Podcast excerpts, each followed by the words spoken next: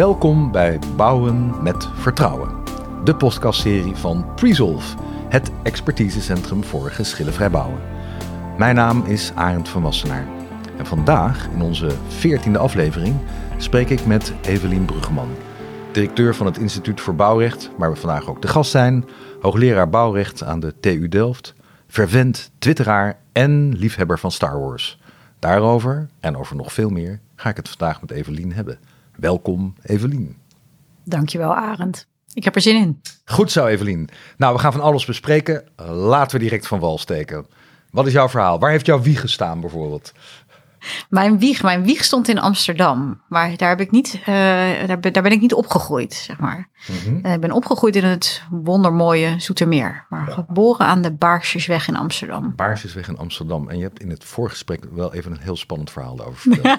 wil je dat met de luisteraars delen? Ja hoor, dat wil ik best delen. Dat waren mijn, uh, mijn, mijn, eerste contact met een celebrity. Mijn ouders woonden um, uh, op de tweede etage volgens mij. En daarboven woonden twee dames van Luf, waaronder één dame Patty Bart. Aha. De andere dame weet ik niet precies wie dat was, maar Patty Bart is me altijd bijgebleven. En uh, uh, ik, ben, uh, ik heb in de armen van Pat, Patty Bart gelegen toen ik net geboren was. Hmm, dat kunnen niet veel mensen zeggen, denk ik. Nee, nee. Maar goed, jij wel. En, maar goed, dat heeft verder je leven niet bepaald. Want je bent geloof ik al heel snel verhuisd, zoals je zei, naar Zoetermeer. Zang en dans was niet aan mij besteed. Dus... Nee, nee, maar een heleboel andere dingen wel natuurlijk. Zoals wandelingen met je vader, waarover je vertelde. Ja, ja. ja inderdaad. Uh, mijn vader, die uh, altijd op zondag, dus die kan je voorstellen, druilerige zondagen in Zoetermeer. Hmm. Dan moesten we... En dat grauwe groene hart. En moesten we, moesten we lopen, moesten we wandelen. Ik heb twee zussen en dan uh, gingen we met het hele gezin gingen wij, uh, wandelen. En dan uh, vertelde mijn vader van alles over het recht, over mm. het Romeins recht. En ja, dat is er met de paplepel ingegoten. En, en was het dan niet iets waarvan je dacht, ja, dus ga ik later iets heel anders doen? Nee, ik denk dat ik, ik, daar heb ik natuurlijk wel over nagedacht, dat ik toch best wel volgzaam was eigenlijk, stiekem. Maar dat is misschien ook iets van mijn generatie, dat wij toch nog niet zo tegen onze ouders in durfden te gaan. Dat het toch, als ik het verschil zie ook met de opvoeding met mijn kinderen, daar is toch veel meer ruimte voor dialoog en debat. En terwijl wij niet tegen mijn vader zeiden dat we iets niet gingen doen of uh, op een andere manier. Oh, wat ontzettend lief van jullie. waar, waar, ben jij dan een millennial? Of hoe heet dat? Ja, dat weet ik Of een generatie Z of X? Ik snap of, dat nooit heel goed. Of een nee. Of hoe je dat uitspreekt. Ja, zoals ik dan een boomer schijnt te zijn. Maar, maar ik ben, weer... ik ben, ja, jij bent zeker een boomer, Arend.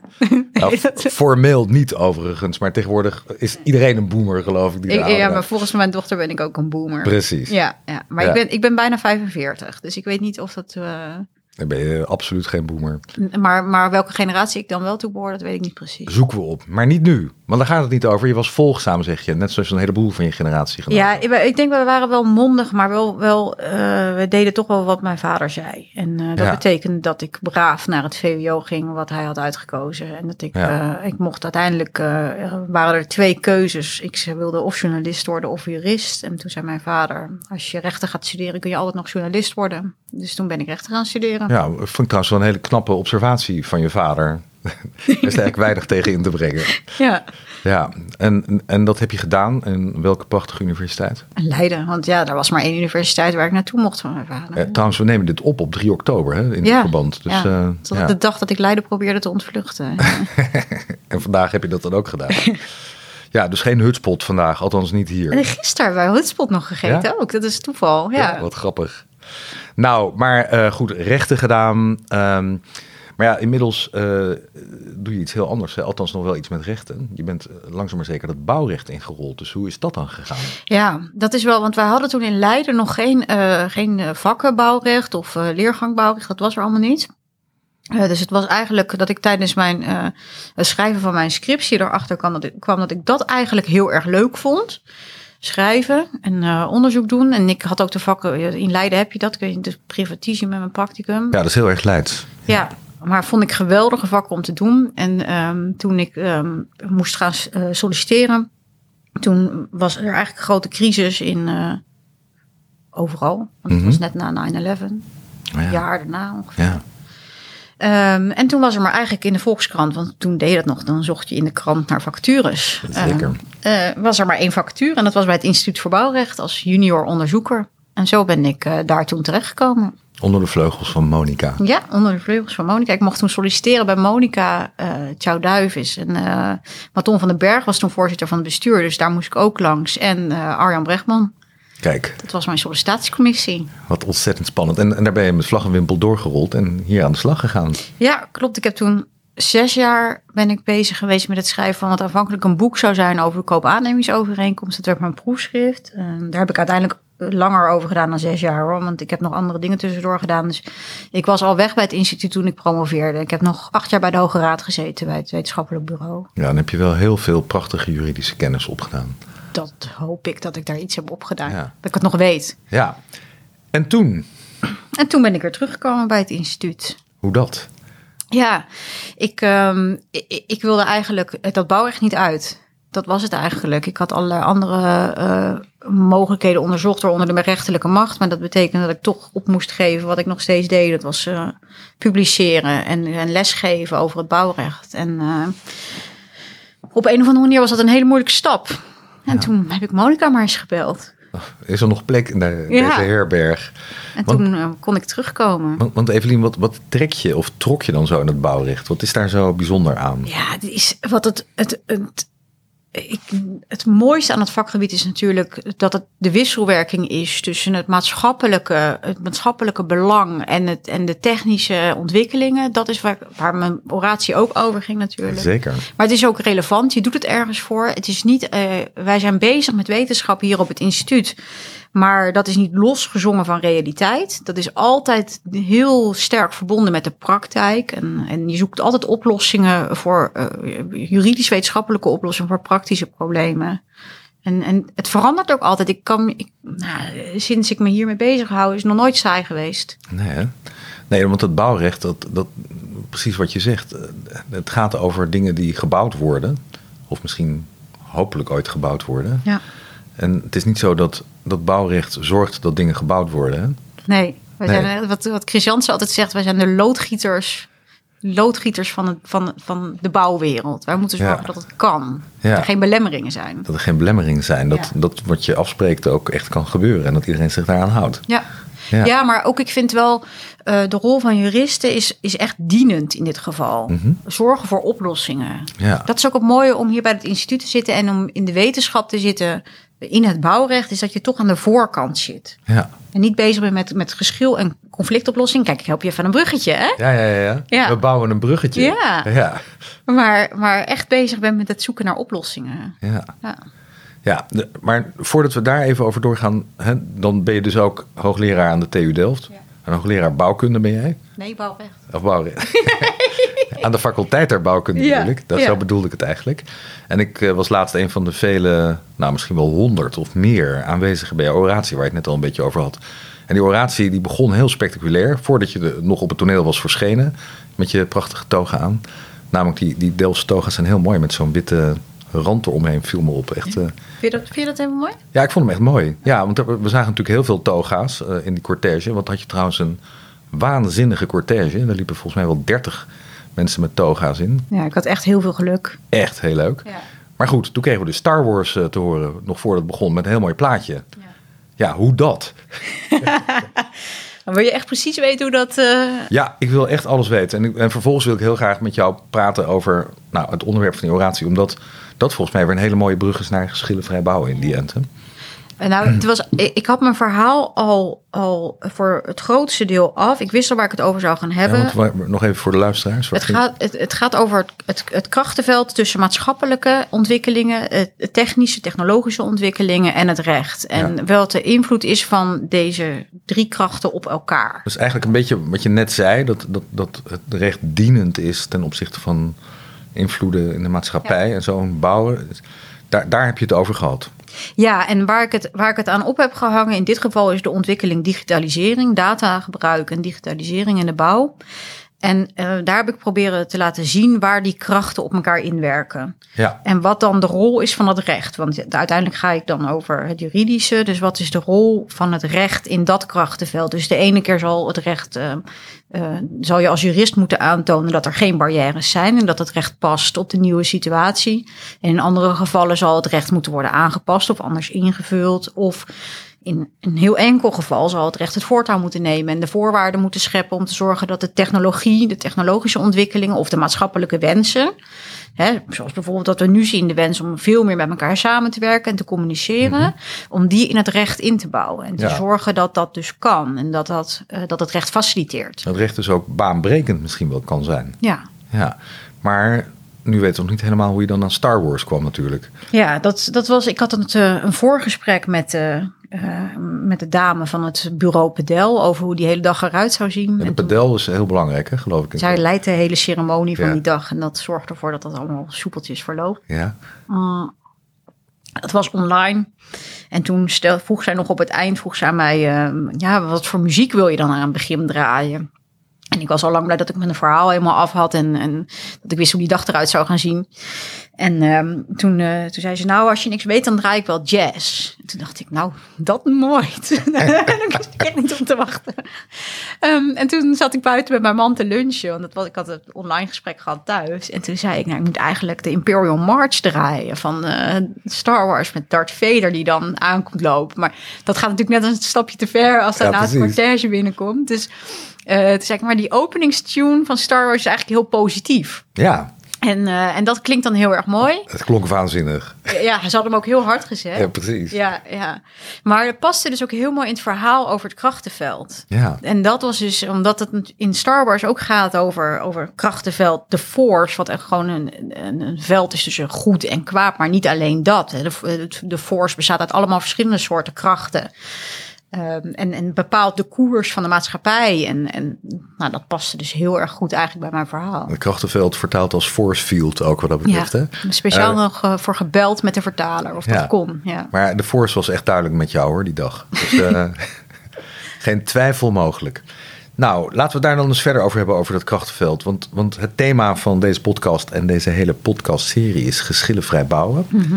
En jij zit hier in het instituut, hè, wat je al zei, we doen allemaal onderzoek naar samenwerken en naar een heleboel andere onderwerpen die allemaal ertoe moeten leiden. Kijk, geschillenvrij bouwen is, kan alleen maar als alle andere randvoorwaarden ook kloppen.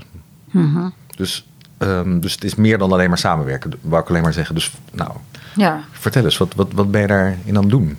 Ja, ik, ik vond het sowieso moeilijk. Ik heb zitten nadenken van, kun je überhaupt wel geschillenvrij bouwen? Hè? Mhm. En moet, je dat, moet dat ook het streven zijn? En een van jouw vorige gasten heeft ook gezegd van, nee, soms kan, volgens mij was het Malcolm Aalstein, die zei, Absoluut. soms kan conflict ook heel verhelderend werken. Ja, die zei, je moet ook conflictcompetent zijn. Ja, Ja, nou, en, ehm, met geschillenvrij bouwen bedoel ik eigenlijk eh, het vermijden van geschillen die partijen niet zelf zouden kunnen oplossen. Maar natuurlijk zijn er verschillen van inzicht. Natuurlijk kan je het ergens niet over eens zijn, maar dan? Hoe Ja. kom je daar weer uit Ja. zelf? ja. Ja, ik denk dat communicatie toch altijd wel de, de sleutel tot alles is. Zeker. En, en, en dat het streven natuurlijk altijd moet zijn om het, om het geschil te voorkomen. En dat kan heel goed, denk Ja. ik, door de communicatie te faciliteren.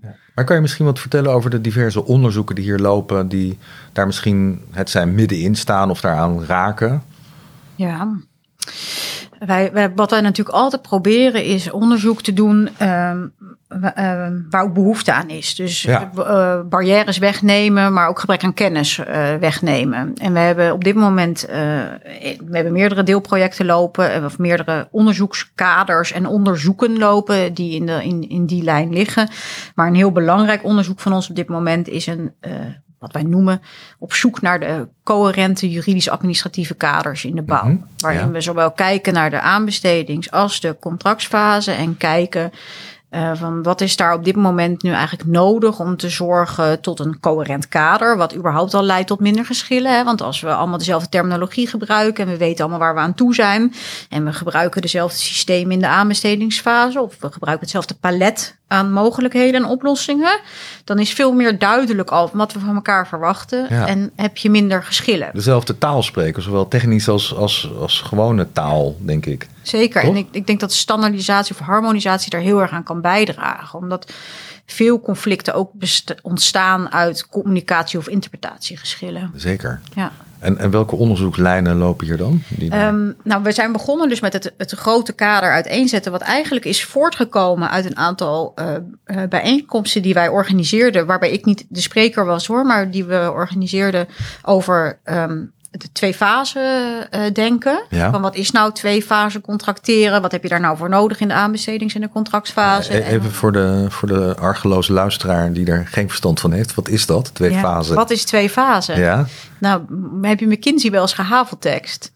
Dat is al ongelooflijk ik ingewikkeld. wil bijna zeggen nu even voor de, eh, voor de argeloze luisteraar. Wat is gehaveltekst? Maar eh, de meeste juristen, alle juristen weten dat. Sorry, ja, nee, maar het maar... gaat om uitleggen. Nou, Rijkswaterstaat heeft een aantal jaar geleden een McKinsey-rapport uit laten brengen. En Ja. daarin is gekeken naar wat, wat lukt er nou niet met met name geïntegreerde contracten. Waarom gaat het fout steeds? Waar lopen we steeds tegenaan? Ja, En hoe kunnen we... contracten als in ontwerp en uitvoering. Ja. precies. Oh, moet ik nog... Nou, zo- nee, ik, ik zit te denken aan mijn moeder die dan op een gegeven moment zo'n eh, podcast hoort en die vraagt zich af, waar gaat het over? Maar Ja. ik denk dat de meeste mensen die het horen precies weten waar je het over hebt hoor. Dus, eh, Nou ja, Mc- McKinsey heeft dat geanalyseerd en die, hadden, eh, die kwamen tot de conclusie dat op het moment dat we ontwerp en uitvoering bij één partij wegleggen, weten we eigenlijk nog niet genoeg. En we moeten andere oplossingen zien te bedenken, aanbestedingsrechtelijk en contractueel, om te zorgen dat partijen niet in conflicten eindigen, dat er geen eh, grote tekorten ontstaan eh, en dat we, eh, misschien zijn er andere contractsvormen en wijzen van aanbesteding die kunnen leiden tot betere oplossingen. ja, Daar is toen het twee fase denken uit voortgekomen. Dat hebben zij geïntroduceerd. Maar op het moment dat je dat rapport dus heel goed leest, als jurist ga je je wel steeds afvragen, maar hoe moet dat dan? Ja. Hoe geven we dit nou vorm? En Ja. hoe past dat in de aanbestedingsrechtelijke kaders? In het kader van rechtmatigheid mogen we het wel op deze manier doen. En ook doelmatigheid. Niet voor elk proces moet je een twee-fase overeenkomst verzinnen en ook niet in dezelfde vorm. nee precies. En we hebben 22 jaar geleden heel veel discussie natuurlijk, sinds 22 jaar eigenlijk, toen we begonnen met geïntegreerde contracten met onze UWVGC, hebben we gedacht, dit is de oplossing. En nu komt ineens dat twee fasen denken opzetten. Zijn we heel bang van, oh, maar wordt dit dan de oplossing? Dat kan niet. We, inmiddels weten we, er is niet één oplossing. Dus we moeten elke keer weer maatwerk gaan leveren. Ja. Nou, op basis van dat hele McKinsey-verhaal bij een aantal cursussen gegeven. Maar sorry, ik wijd veel te ver uit, Arend. Nee, Spijt me. hartstikke leuk. Nee, ga door. Ehm, en, en dat hebben we gedaan met Chris Jansen, Rob Bleker en Georg Wiet. Ja, In de voorgesprekken daarin kwamen we steeds weer terug op wat is dat nou, dat twee fasen? En waar hebben we nou eigenlijk behoefte aan? Is dat nou wel echt twee fasen of zijn we op zoek naar iets anders? En zo zijn we gekomen tot een themanummer een TB, van TBR, Tijdschrift voor Bouwrecht. Mhm. Waar jij ook aan mee hebt gewerkt. dat klopt. En eh, ja, en nog een flink aantal andere, waarin Chris Jansen een openingsartikel heeft geschreven met een analyse van het probleem wat inherent is aan het bouwen. eh, en het bouwrecht. Dat we altijd te maken hebben met onbekendheden. En welke oplossingen bieden ons contractuele en aanbestedingsrechtelijke kaders nu? En daar is een analyse op gevolgd, waar jij ook een analyse hebt gegeven van de alliantie, eh, van het bouwteam, van eh, bepaalde vormen van twee fasen. Van voor welke eh, oplossingen biedt dit nou, voor welke problemen biedt dit nou een oplossing? Mhm. En, en welke eisen die wij inmiddels stellen, wij de samenleving, voldoen deze overeenkomsten nou? En dan denken we aan een aantal thema's die wij blijkbaar nu heel belangrijk vinden op basis van een analyse van de literatuur. Waaronder samenwerking, vroege betrokkenheid van de aannemer, risico-identificatie en deling ook in sommige gevallen. En zo zijn er nog een aantal onderwerpen. Maar Ja. samenwerking is samenwerking in zijn- de breedste zin van het woord, wat natuurlijk alles kan omvatten, is daarin ook heel belangrijk. Ja. En op basis van dat themanummer zijn we weer verder gaan denken in deelprojecten van het onderzoekskader. Ja. En daar zit eh, een, een, eh, drie deelthema's eigenlijk in. Hele lange inleiding voor om hier nu uit te komen. Sorry daarvoor. Nee hoor, helemaal niet eerder. Ehm, maar één daarvan is heel concreet, gaat over prijsvorming en dus uitgestelde prijsbepaling. Wat Ja. eigenlijk ziet op het hele originele twee fasen denken. Maar dan Precies. Want het gaat erom dat er prijszekerheid is voor zowel de opdrachtgever als voor de opdrachtnemer. Ja, of dat je die inbouwt op een later moment. Precies. En, ehm, en dat analyseren we op dit moment in een eh, werkgroep met behulp van een klankbordgroep Uh, en expert meetings daaromheen met nog grotere mensen om te komen tot oplossingen die door iedereen gebruikt kunnen worden. Mhm. Wat hopelijk dus bijdraagt aan veel uh, minder conflicten Ja, over aanbestedingen, Ja. over prijs, over Ja. ontwerp en uitvoering, over onbekendheden, risico's die niet vooraf zijn ingeschat. precies. Dat denken wij dat heel erg gaat bijdragen Ja, dat, aan, dat denk ik ook eigenlijk. aan, aan geschillenvrij bouwen. Ja, precies. Waarvoor we hier vandaag bij elkaar zitten. Hey, en, en weer terug naar je oratie. Ehm, je had het over data, hè? In hoeverre zou dat, hè, gewoon data in zijn algemeenheid, daaraan kunnen bijdragen? Daar is ook heel veel over geschreven en over nagedacht. Hè? Arjen Adriaanse van de eh, eh, Universiteit Twente heeft daar ook over geschreven. Dat op het moment dat je, hij beschrijft, je hebt eilanden in het bouwproces, eh, verschillende soorten van eilanden. Dus je hebt gefragmenteerde bouwprocessen, maar je werkt ook steeds in projecten. Waardoor er verschillende eilanden ontstaan. Dus heb je meer manieren waarop de bouw gefragmenteerd is. En hij zegt, ehm, eh, van als je nou data uitwisselt, dat is een middel, het is geen doel op zich, om, om die eh, verschillen te overbruggen. Om die eilanden, al die eilandjes die werken in zo'n heel complex proces, om die beter te informeren, beter met elkaar te communiceren en te zorgen voor oplossingen. Ja, en, en dan heb je het over alles van BIM tot... Ja, ik, eh, vroeger praten we heel veel over BIM. Precies? En maar nu, we hebben het eigenlijk alleen nog maar over data. En Ja. dat kan in allerlei vormen. Dus Ja. dat kan van hele eenvoudige eh, pdf'jes die je via een specifieke open standaard verstuurt naar de wederpartij. Eh, en dan zeg ik wederpartij als, als jurist, maar hè, dat ja, is dan maar je je, bedoelt gewoon je je collega. samenwerkingspartner Precies, ja. in het project. Ja. Hè? Eh, maar ook complexe BIM-modellen. Ja, ja en, en, en daar kan, er kunnen natuurlijk weboplossingen, hè, waarbij je allemaal gewoon precies over dezelfde data beschikt en waar je precies in ziet wie wat doet en hoe dat wel of niet past op iets anders. Ja, de, het idee is wel, we zijn wel een beetje af, eh, want dat is technisch bijna onhaalbaar om allemaal in hetzelfde model te werken. Mhm. Maar wat mensen doen is, ehm we werken in deelmodellen. Ja, En die worden steeds uitgewisseld en, op elkaar met- gelegd. Die kunnen met elkaar praten. Eh, Althans, de, de data die eruit komen zijn in, integraal toepasbaar op Ja. jouw, jouw eiland, zeg maar. je kan het weer data uithalen die je nodig hebt en weer doorleveren en gebruiken, bewerken. Dat is de gedachte. Ja. Ja. Hey, als je nou in de toekomst kijkt, hè, de komende vijf of tien jaar, wat worden dan daar ontwikkelingen in? Want jij zit daar in Delft, je zit dichtbij waar het allemaal wordt uitgevonden, zeg maar. Wat, heb, heb je daar in jouw overleg met misschien ook wat meer technische collega's eh, zicht op? Dat lijkt me wel heel spannend. Ja, en ook wel heel, eh, ook weer heel complex, omdat je ziet dat ehm, de bouw zo divers is. Dus er is niet, er is niet één digitale oplossing of technologie die de oplossing is, maar er is ook niet één aannemer die eh, op wie je al die techniek kan loslaten. Er zijn zoveel verschillende soorten aannemers en andere partijen. Ja. Ook zoveel verschillende opdrachtgevers en zoveel verschillende technieken. ehm, dat het eh, uitermate complex is om te zeggen, nou het gaat dus die kant op en zo gaat het eruit zien. Dit worden de ontwikkelingen. Nee, we weten één ding heel erg zeker. Data en digitalisering worden alleen maar veel belangrijker. Mhm. En of we echt toegaan naar een, want dat was je vraag, Ja. een bepaald...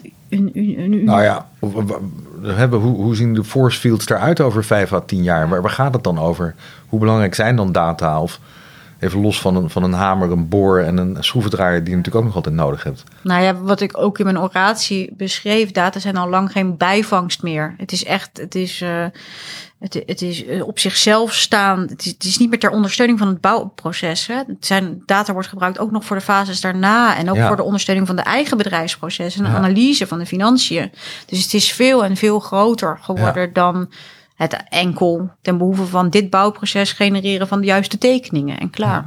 Dat is niet zo. Dus het wordt heel erg belangrijk. Maar hoe het force field eruit ziet, dat wordt natuurlijk. Ik heb, ik heb er zelf ook voor gepleit van. We moeten eigenlijk veel meer doen aan standaardisatie. Zodat Ja. we weten waar we aan toe zijn. Ja. Wat standaardisatie van datavragen op zich. Welke open standaarden gaan we gebruiken. Maar ook van de juridische kaders daaromheen. Ja. Ja, en de interfaces tussen al die verschillende begrippen en talen. Ja, want ik, ik, geef, ik zeg het heel vaak bij cursussen. Dan, vroeger had het BIM, het was toen nog de Bouwinformatieraad, de voorloper van het BIM-loket. Die had een heel mooi filmpje van jongens, we gaan nu BIMmen. Dus de toren van Babel, het is nu eindelijk afgelopen. We gaan allemaal één taal spreken. De BIM-taal. De BIM-taal. Maar uiteindelijk bleken we gewoon nog een partij erbij te krijgen in het bouwproces die een heel andere taal sprak. Namelijk de BIM-taal. ja, de BIM-modelleur en de BIM, hè, al die, die rollen en De BIM-oompa-loompa's, om ze maar even zo te noemen. Nou, Evelien, je zit hier ook, hè, we zitten hier bij het Instituut voor Bouwrecht. Kan je nog even wat reclame maken voor het Instituut voor Bouwrecht? Wat doet het Instituut voor Bouwrecht allemaal? Dankjewel, Arend, dat ik deze kans krijg. Tuurlijk. Ja. Nee, wij zijn een onafhankelijk, dat weten mensen vaak niet, en dat verbaast me dan. Wij zijn een onafhankelijk wetenschappelijk instituut. Wij zijn niet verbonden aan enige overheidsinstantie mm -hmm. of universiteit. Wij uh, zorgen zelf voor onze eigen inkomsten door onderwijs te organiseren. Uh, publicaties. Op, uh, we hebben ons tijdschrift, het tijdschrift voor bouwrecht, maar we publiceren ook heel veel boeken. En we hebben een prachtige IBR-tracker waar al onze publicaties in verzameld worden. Ja. Ook onze actualiteiten bouwrecht. En op die manier proberen wij inkomsten te genereren om vervolgens onderzoek te kunnen doen. Dan investeren wij in jonge mensen die bij ons een proefschrift kunnen schrijven op een gebied waarvan wij denken, daar zit de maatschappij echt op te wachten. En daar krijgen we vaak de handen niet voor elkaar, omdat we te visionair zijn om daar ergens bakjes met geld ja. uh, voor te krijgen. Uh, maar ik heb bijvoorbeeld ook een onderzoek kunnen doen dankzij Monica. Uh, die heeft bedacht van we moeten echt iets gaan doen met BIM en digitalisering en data. die heeft mij de kans gegeven om op kosten van het IBR uit dat potje uh, vier jaar onderzoek te doen naar data en digitalisering. Oh, mooi. En nu zien we ineens mensen die zeggen: ja, dat is eigenlijk, we, we moeten weten hoe dat zit. Ja. We, dan komen ze bij ons. En op die manier proberen mooi. wij um, iets te doen voor de bouwrechtgemeenschap, maar voor, voor iedereen in Nederland die zich bezighoudt met bouwen. Door kennis te verspreiden, dat behoort bij onze statutaire doelstellingen, kennis te verspreiden en te verdiepen en te zorgen dat iedereen daar profijt kan van, van kan hebben uiteindelijk. Mooi. Hey, en um, hoe belangrijk zijn socials voor, uh, voor het instituut en voor jou? Uh, ja, dat ligt een beetje aan welke, hè? Ik, zie, ik vertelde in de inleiding dat jij een fervent twitteraar bent. Ja, dus ik vind op... Twitter een heel fijn medium. Ja, ik zie jou heel veel op Twitter inderdaad. Ja, nou, heel veel. Ik weet niet of ik heel veel, maar ik vind... Nou, elke dag wel. Ja. Ja, en het gaat, of, het gaat meestal over iets inhoudelijks. Bijvoorbeeld vorige week over een onderzoek dat het instituut mede zou hebben verricht naar, ik geloof, de Rijnlandroute. Ja, dus dat is kennelijk ook een soort, uh, zeg maar, inkomstenstroom. Ja. Onafhankelijk onderzoek. Ja. Forensisch, of wat dan ook. Naar veiligheid was dat, geloof ik. Ja, klopt. Dat doen we ook als wij opdrachten krijgen van derden om in Ja. zo'n commissiezitting te nemen. Ja, dan, eh, op die manier doen we dat ook. En heel af en toe ook wel over huisdieren, Soms ja, ja, vakanties en kinderen. Ja, dat is natuurlijk. Ik, ik hou erg van Twitter, omdat het mij de kans geeft om eh, laagdrempelig contact te hebben met vakgenoten, maar ook met mensen over de hele wereld. Dus Ja. met name in data en digitalisering zitten heel veel mensen op. Twitter. Dat is heel fijn. Ja, ja. Ehm, en ik vind het fijn omdat het, het is allemaal kort. Je kan makkelijk er doorheen. En als je het interessant vindt, dan kun je doorklikken. Ehm, dus dat is een, een medium wat ik graag gebruik. Bijna een nieuwsbron hè, voor een heleboel mensen. Ja. Als je Ja. de juiste, het voor, is, de voor jou juiste bu- bubbel mensen volgt. Dan denk je, wauw, ja, ik heb eigenlijk geen krant meer nodig. Ja. Nou, ik vind voor kranten wel een beetje gevaarlijk, hè? Omdat je dan toch in je, in je echt in een bubbel komt. Terwijl dit is, dit is echt informatie op je vakgebied. Dat kun je ook zelf op waarde schatten. Mhm. Dan vind ik het een prettige bron. En, eh, en zeker als je de hele dag eh, in de boeken zit en eh, dan kan je nog even makkelijk er doorheen en kijken wat doet de rest. Precies. Ja. Nou, we hebben een heel palet bestreken, Evelien, in het gesprek. Hartstikke bedankt. Ik vond het echt hartstikke mooi. Een heel mooi verhaal. Ik heb er heel veel van geleerd. En ik denk de luisteraars vast ook. Dankjewel, Arend. Nou, dank jou wel, Evelien. Dus luisteraars, dit was aflevering 14 van Bouwen met Vertrouwen. De podcastserie van Presolve, het expertisecentrum voor geschillenvrij bouwen. Ik sprak met Evelien Bruggeman, directeur van het Instituut voor Bouwrecht, hoogleraar bouwrecht aan de TU Delft. En deze podcastserie is te beluisteren via Apple en Spotify, waar u zich ook hierop kunt abonneren. We zien u heel graag terug bij een volgende aflevering.